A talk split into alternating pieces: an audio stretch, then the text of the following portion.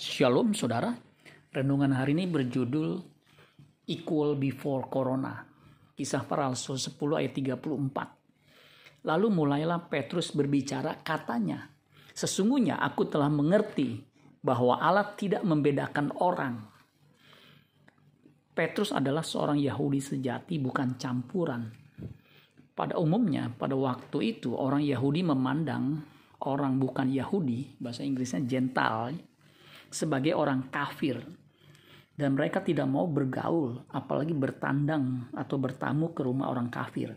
Kisah Rasul 10 ayat 28. Makanya ketika Tuhan menyuruh Petrus ke rumah Cornelius, seorang perwira Romawi, Tuhan harus menggunakan suatu penglihatan khusus sehingga Petrus bersedia pergi mengunjungi rumah Cornelius si kafir yang saleh itu.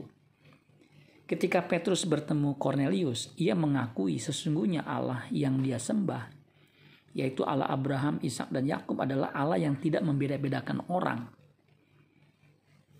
Saya mendengar orang berkata virus corona itu tidak memandang orang.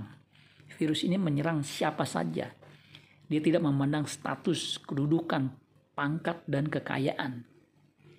Jika kita pikirkan kalimat ini, kalimat ini, ini sangat filosofis Orang Kristen dilarang keras bersifat rasis. Yakobus 2 ayat 1 dikatakan, Saudara-saudaraku, sebagai orang yang beriman kepada Yesus Kristus Tuhan kita yang mulia, janganlah iman itu kamu amalkan dengan memandang muka.